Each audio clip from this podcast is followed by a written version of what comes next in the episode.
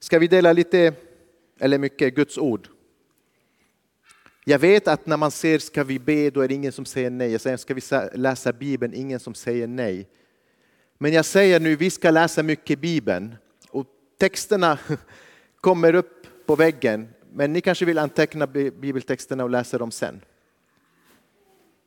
Bra, vi börjar med Lukas evangeliet kapitel 8, verserna 22 till 25. Nej, jag behöver de här.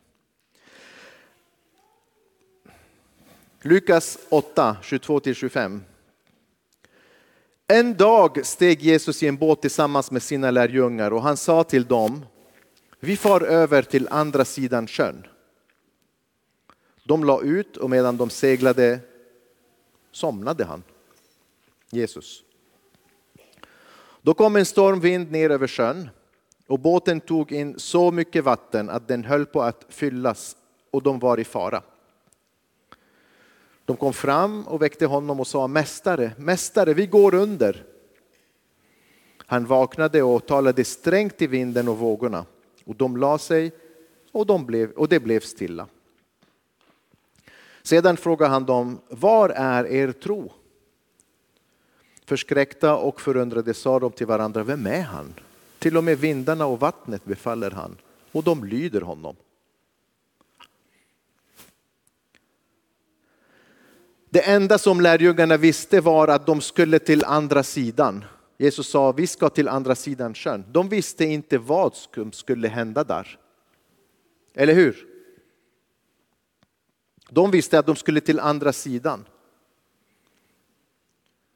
Alla på något sätt ska till andra sidan. Varje dag när vi vaknar, då ska vi till andra sidan av någonting. Kanske något litet eller något stort. Men vi ska till andra sidan. När vi slutar tänka på att jag ska ta mig fram till någonting annat, då måste vi stanna och be Gud om hjälp. Därför att det enda som inte rör sig mot någonting nytt, inte fysiskt bara, men kanske i anden eller i tankarna, det är någonting som är på väg att dö. Och det är inte hopplöst, därför att Gud vill att vi ska fortsätta att röra oss i ande, i kropp och själ. Om vi tar exemplet en person som inte känner Jesus. Den här personen måste ta sig över till andra sidan till Jesus för att få liv. Om du inte känner Jesus, då väntar Jesus på dig. Ta ett steg till honom. Det behöver inte vara en kö. Det kan bara vara ett ord eller en tanke eller en bön. En person som känner Jesus måste gå över till andra sidan av sin rädsla kanske. För att se det som Gud har förberett för oss. Gud har förberett någonting för dig. Och ibland är kanske rädslan i vägen. Du måste ta dig förbi din rädsla. Även om du känner Jesus, för att upptäcka det som han har förberett för dig på andra sidan kön. Kön, bildligt talat alltså. Det kan vara att ta sig till andra sidan för att få en ny start. Eller för att vila. Ibland säger Jesus kom till andra sidan bara för att vila, inte göra någonting. Eller för att lära sig någonting nytt och komma tillbaka till sitt eget folk. I det här fallet, när de tog sig till andra sidan sjön, då mötte de en man som var besatt på andra sidan. Besatt av onda andar.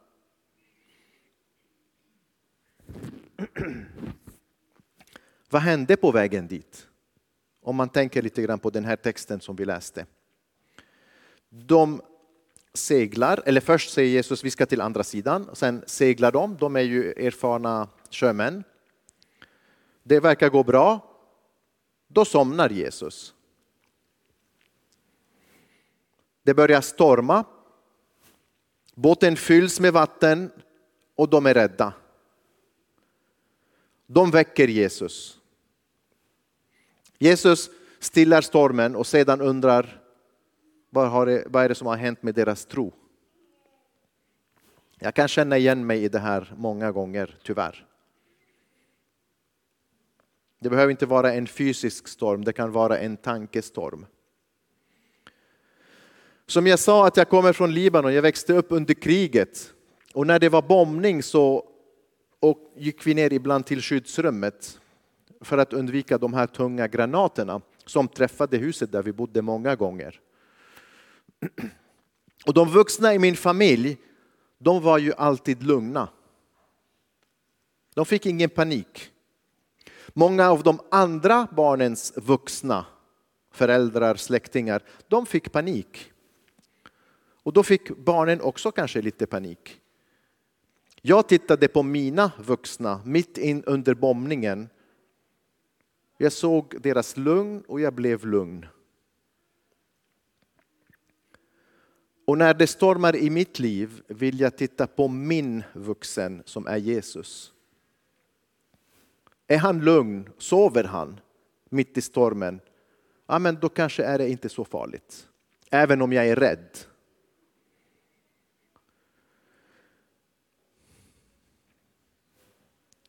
Och nu ska vi läsa en text från en annan storm. Liknande fall, men inte exakt. I första fallet då var Jesus med i båten. I det här fallet från Matteus evangeliet, Jesus hade skickat lärjungarna före honom. Han sa, ni går först, jag kommer sen. Det är en storm, Jesus är inte med i båten. De blir rädda och han kommer för att göra saken enklare gående på vatten. Vem skulle inte bli skräckslagen där?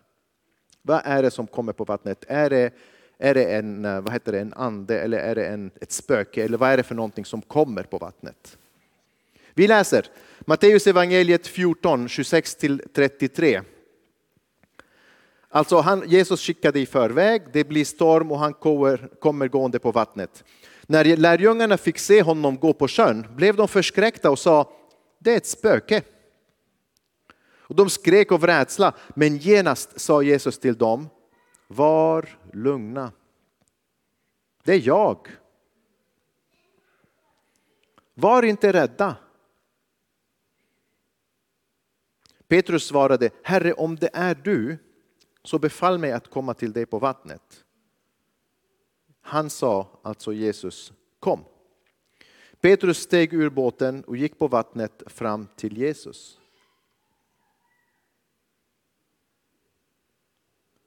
Bara som en liten parentes, jag tror att detta hände på riktigt. Och inte bara som en illustration av någonting. Jag tror att Petrus gick på vattnet. Kalla mig dum, men jag tror på det. Petrus steg ur båten och gick på vattnet fram till Jesus. Och när han, men när han såg hur stark vinden var blev han rädd. Han började sjunka och ropade Herre rädda mig. Genast sträckte Jesus ut handen och grep tag i honom och sa Så lite tro du har, varför tvivlade du? De steg i båten och vinden la sig och de som var i båten tillbad honom och sa Du är verkligen Guds son.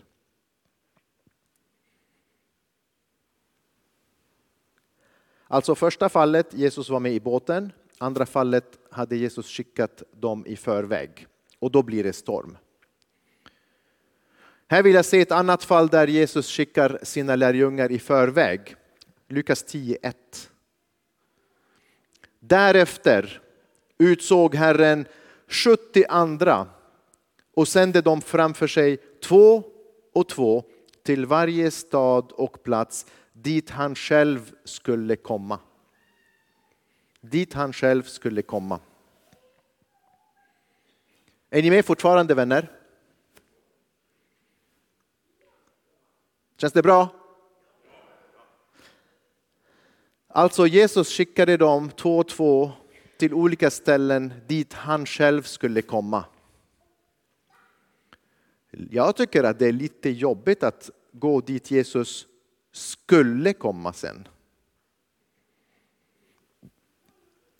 Ja, jag tycker att det är bättre om han tar min hand och går med.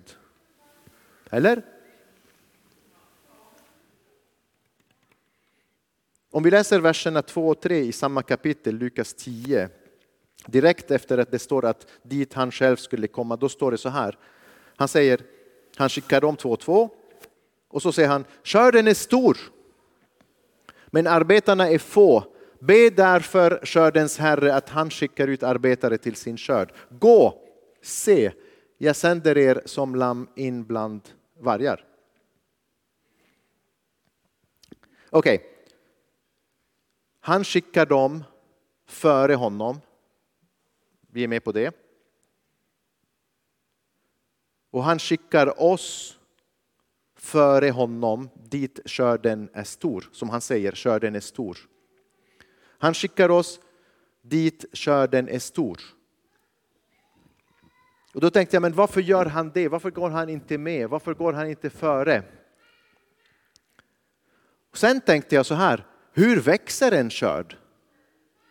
Han säger att skörden är stor, alltså den har vuxit, den är redo för skörden. Eller hur? För att skördas. Men hur växer det? Ja, svaret, första Korintierbrevet 3 och 6. Paulus skriver, jag planterade, Apollos vattnade, men Gud gav till växten. Vi jobbar, men Gud är där och ger till växten. Alltså, Jesus skickar oss ensamma kan det kännas som, dit han har redan varit och förberett skörden. Om skörden är stor, då betyder det att han har varit där redan och gjort så att det växer. Så att när han säger gå dit, dit jag ska komma, det betyder inte att han har aldrig varit där. Det betyder att han har varit där och förberett i förväg. Och så kommer jag sen, så kommer jag och skördar. Och sen kommer han och välsignar och är med. Så att han är före, han är med och han är bakom mig. Kan ni låten?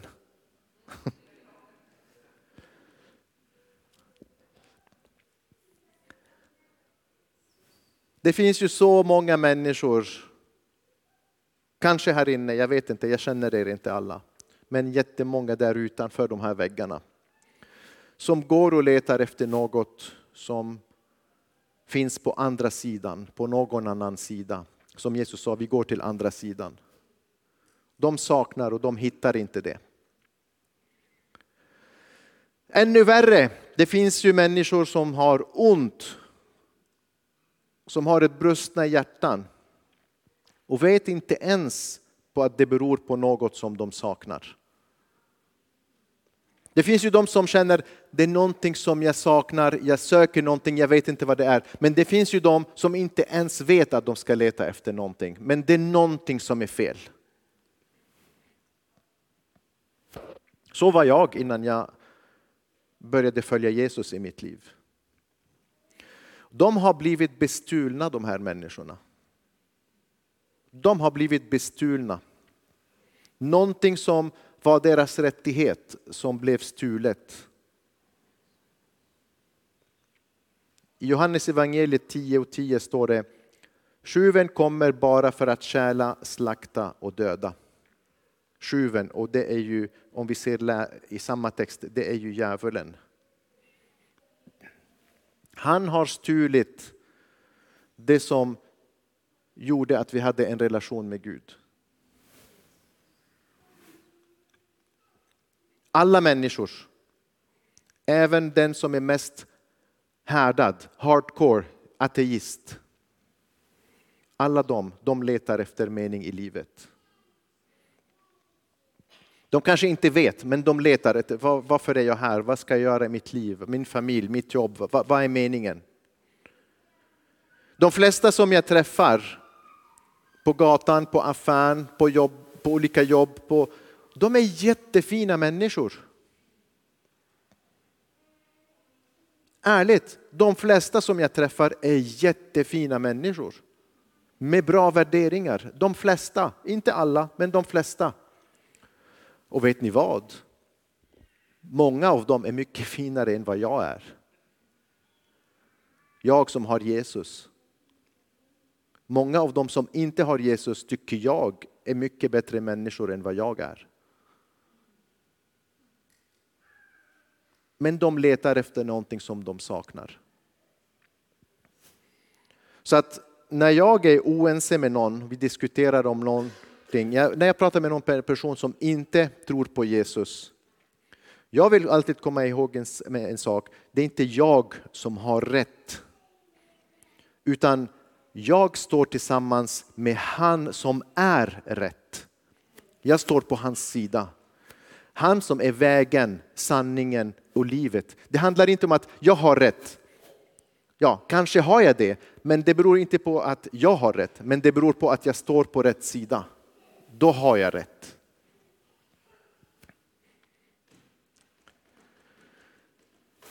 Väldigt få människor som jag har haft kontakt med och som jag har frågat när vi har diskuterat någonting, så här, kan jag be för dig? Väldigt få säger nej faktiskt. Väldigt få människor säger nej. Det är min rädsla som gör att jag inte frågar om jag kan be för dem.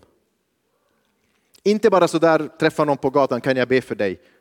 Man måste ha någon slags relation såklart. Nu ska jag citera en fransk eh, filosof som hette Blaise Pascal. Och innan vi läser den här texten som jag ska citera, jag vill säga att Pascal han levde på 1600-talet. Han är ju eh, grunden till våra moderna räknemaskiner, räkneapparat, miniräknare. Det är han som gjorde den första. Trycket, lufttrycket mäter man med en enhet som hette Pascal. Så att han var ju som en av de främsta vetenskapsmän på hans tid. Och han var teolog och filosof, trodde på Jesus. Han skrev så här. Det finns ett tomrum i Guds form i varje människas hjärta som inte kan fyllas av något som, han, som har skapats utan bara av Gud, skaparen, som har gjort sig känd för människorna genom Jesus. Alltså, jag har ett hål i mitt hjärta och det är som en pusselbit. Det är bara Gud som kan fylla det där tomrummet. Och det stämmer överens med det som står i Predikaren 3 och 11. Allt har han gjort kön i sin tid. Även evigheten har han lagt i människornas hjärtan. Ändå kan de inte förstå Guds verk från början till slut. Är ni fortfarande med vänner? Bra. Nu läser vi en lite längre text från Bibeln. Kolosserbrevet 2, 6-15 eh, eller 8-15 kanske.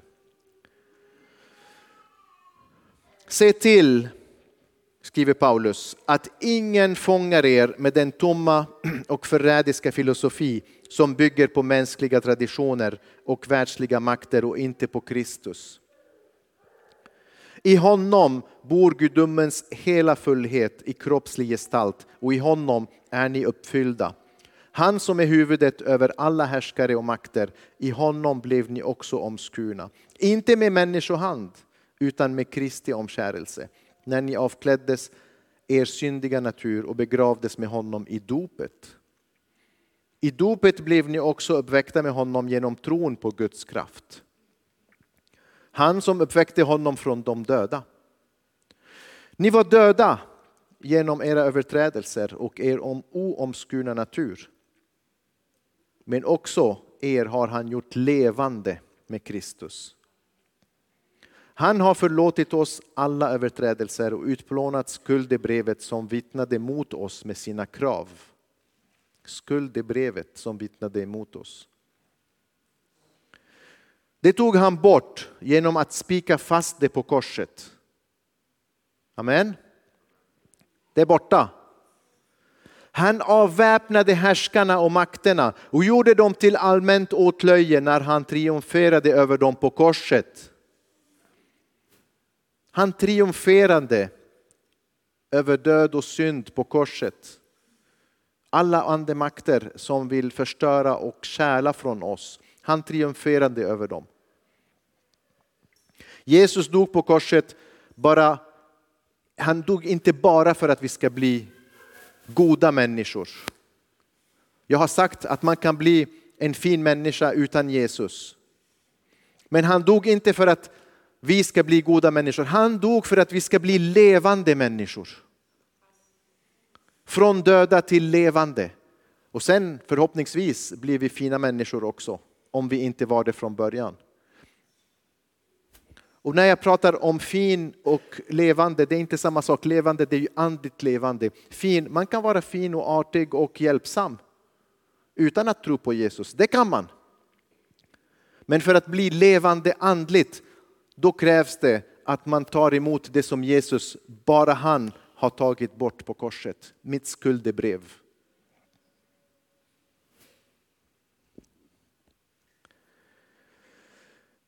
Djävulen kan inte ta ifrån oss det som Jesus har fixat på korset. Han har stulit innan, Jesus betalade det och nu har vi tillbaka den relationen med Gud. Om vi har tagit emot Jesus. Det är frivilligt, men det måste vara ett aktivt val från var och en. Mina barn älskar Jesus. Men de har fattat det beslutet själva. Om de inte fattar beslutet själva, då har de ingen relation med Jesus.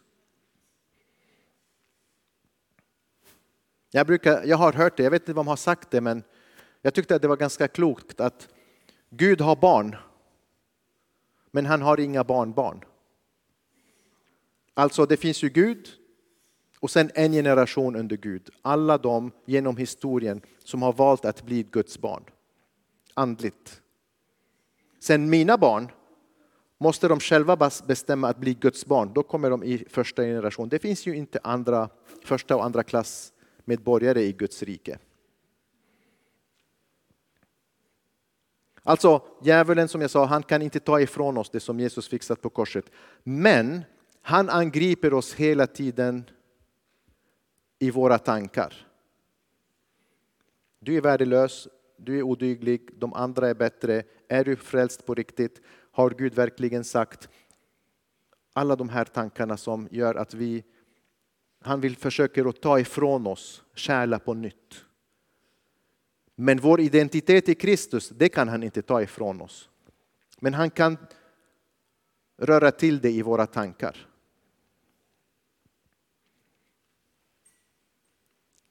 Ibland angriper han oss i vår familj. Ibland angriper han oss i det som vi äger. Kolla i Jobs bok, jag håller på att läsa Jobs bok just nu. Där kan man snacka om angrepp. Ibland angriper han oss genom att så problem mellan mig, kanske min fru, mina barn, inom församlingen. Jesus berättade för Petrus hur det var lite backstage, bakom scenen, det som man inte ser. Men Petrus, Jesus berättade för Petrus i Lukas 22, han säger så honom så här, vi läser den tillsammans. Petrus kallades, han hette Simon innan hans namn blev Petrus. Han sa Simon, Simon, Satan har begärt att få sålla er som vete. Alltså förstöra för er. Men jag har bett för dig att din tro inte ska ta slut. Och när du en gång har omvänt dig, styrk då dina bröder. Alltså, vår fiende, han är alltid och säger till Gud, jag vill förstöra för dem, tillåt mig förstöra för dem, tillåt mig förstöra för dem. Och Jesus ber för oss. För att vi ska bli bevarade.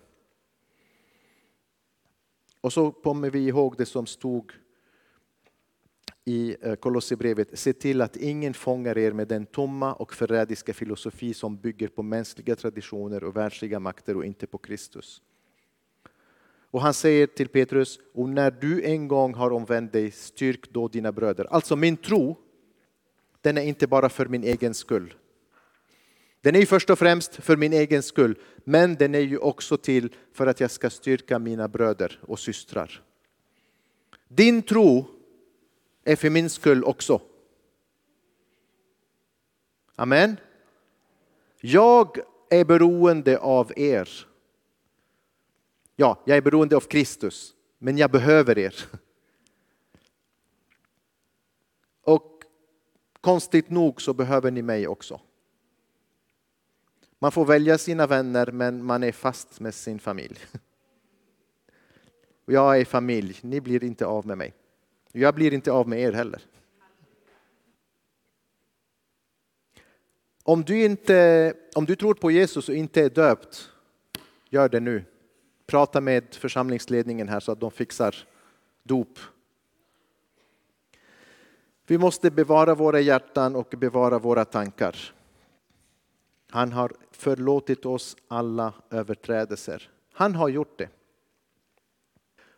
Och jag tänker så här, han har förlåtit oss våra överträdelser. Och så vill jag tänka så här, och jag hoppas att du tänker på samma sätt. Om Jesus har förlåtit mig, vem är jag för att inte förlåta någon som Jesus har redan förlåtit?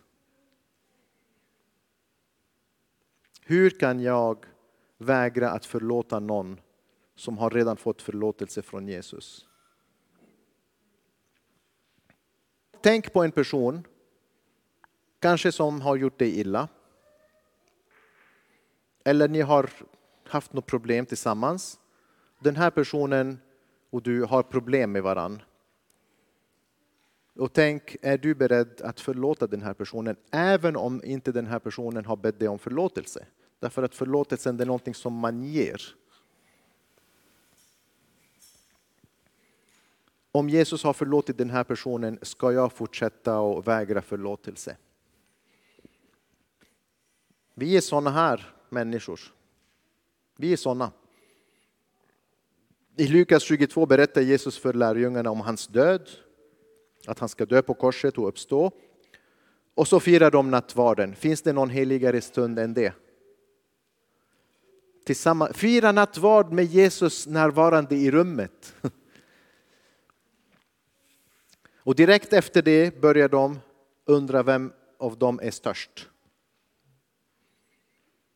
Typiskt mänskligt. Jag är inte bättre idag. Jag kan ha liknande tankar. Men jag borde veta bättre därför att jag har en större facit än vad de hade då. Jag har hela Bibeln. Jag har hela bilden, eller inte hela bilden, men en större bild än vad de hade då.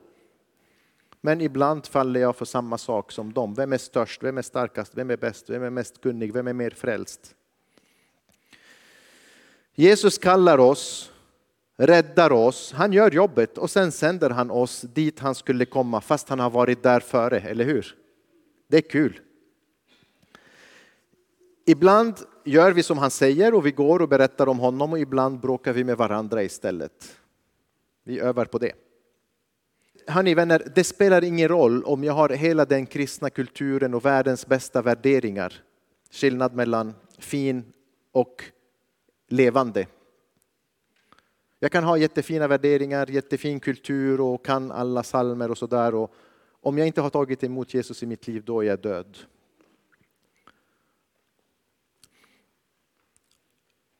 Om allt bygger på mänsklig kraft och mänsklig visshet så leder det inte till Guds rike. Det är bara Jesus som kan fixa det. Om vi tar ett exempel som vi kan identifiera med här uppe. Säg att det är jättekallt ute. Säg att det är 30 grader kallt. Det kanske inte händer varje dag, men det är inte ovanligt, eller hur? 30 grader kallt och jag befinner mig ute i kylan en kilometer bort från ett fint och varmt och bekvämt hus där man kan vara trygg. Om jag är en kilometer bort, då kommer jag att frysa ihjäl, eller hur? Efter ett tag. Även om jag är bra klädd och sådär, men till slut så kommer min kropp inte orka längre. Om jag inte får näring och värme och sådär. Stämmer det Stig? Här har vi läkarbevis på det. Om det är 30 grader kallt ute och jag står bara en meter utanför ett varmt och bekvämt och trevligt hem.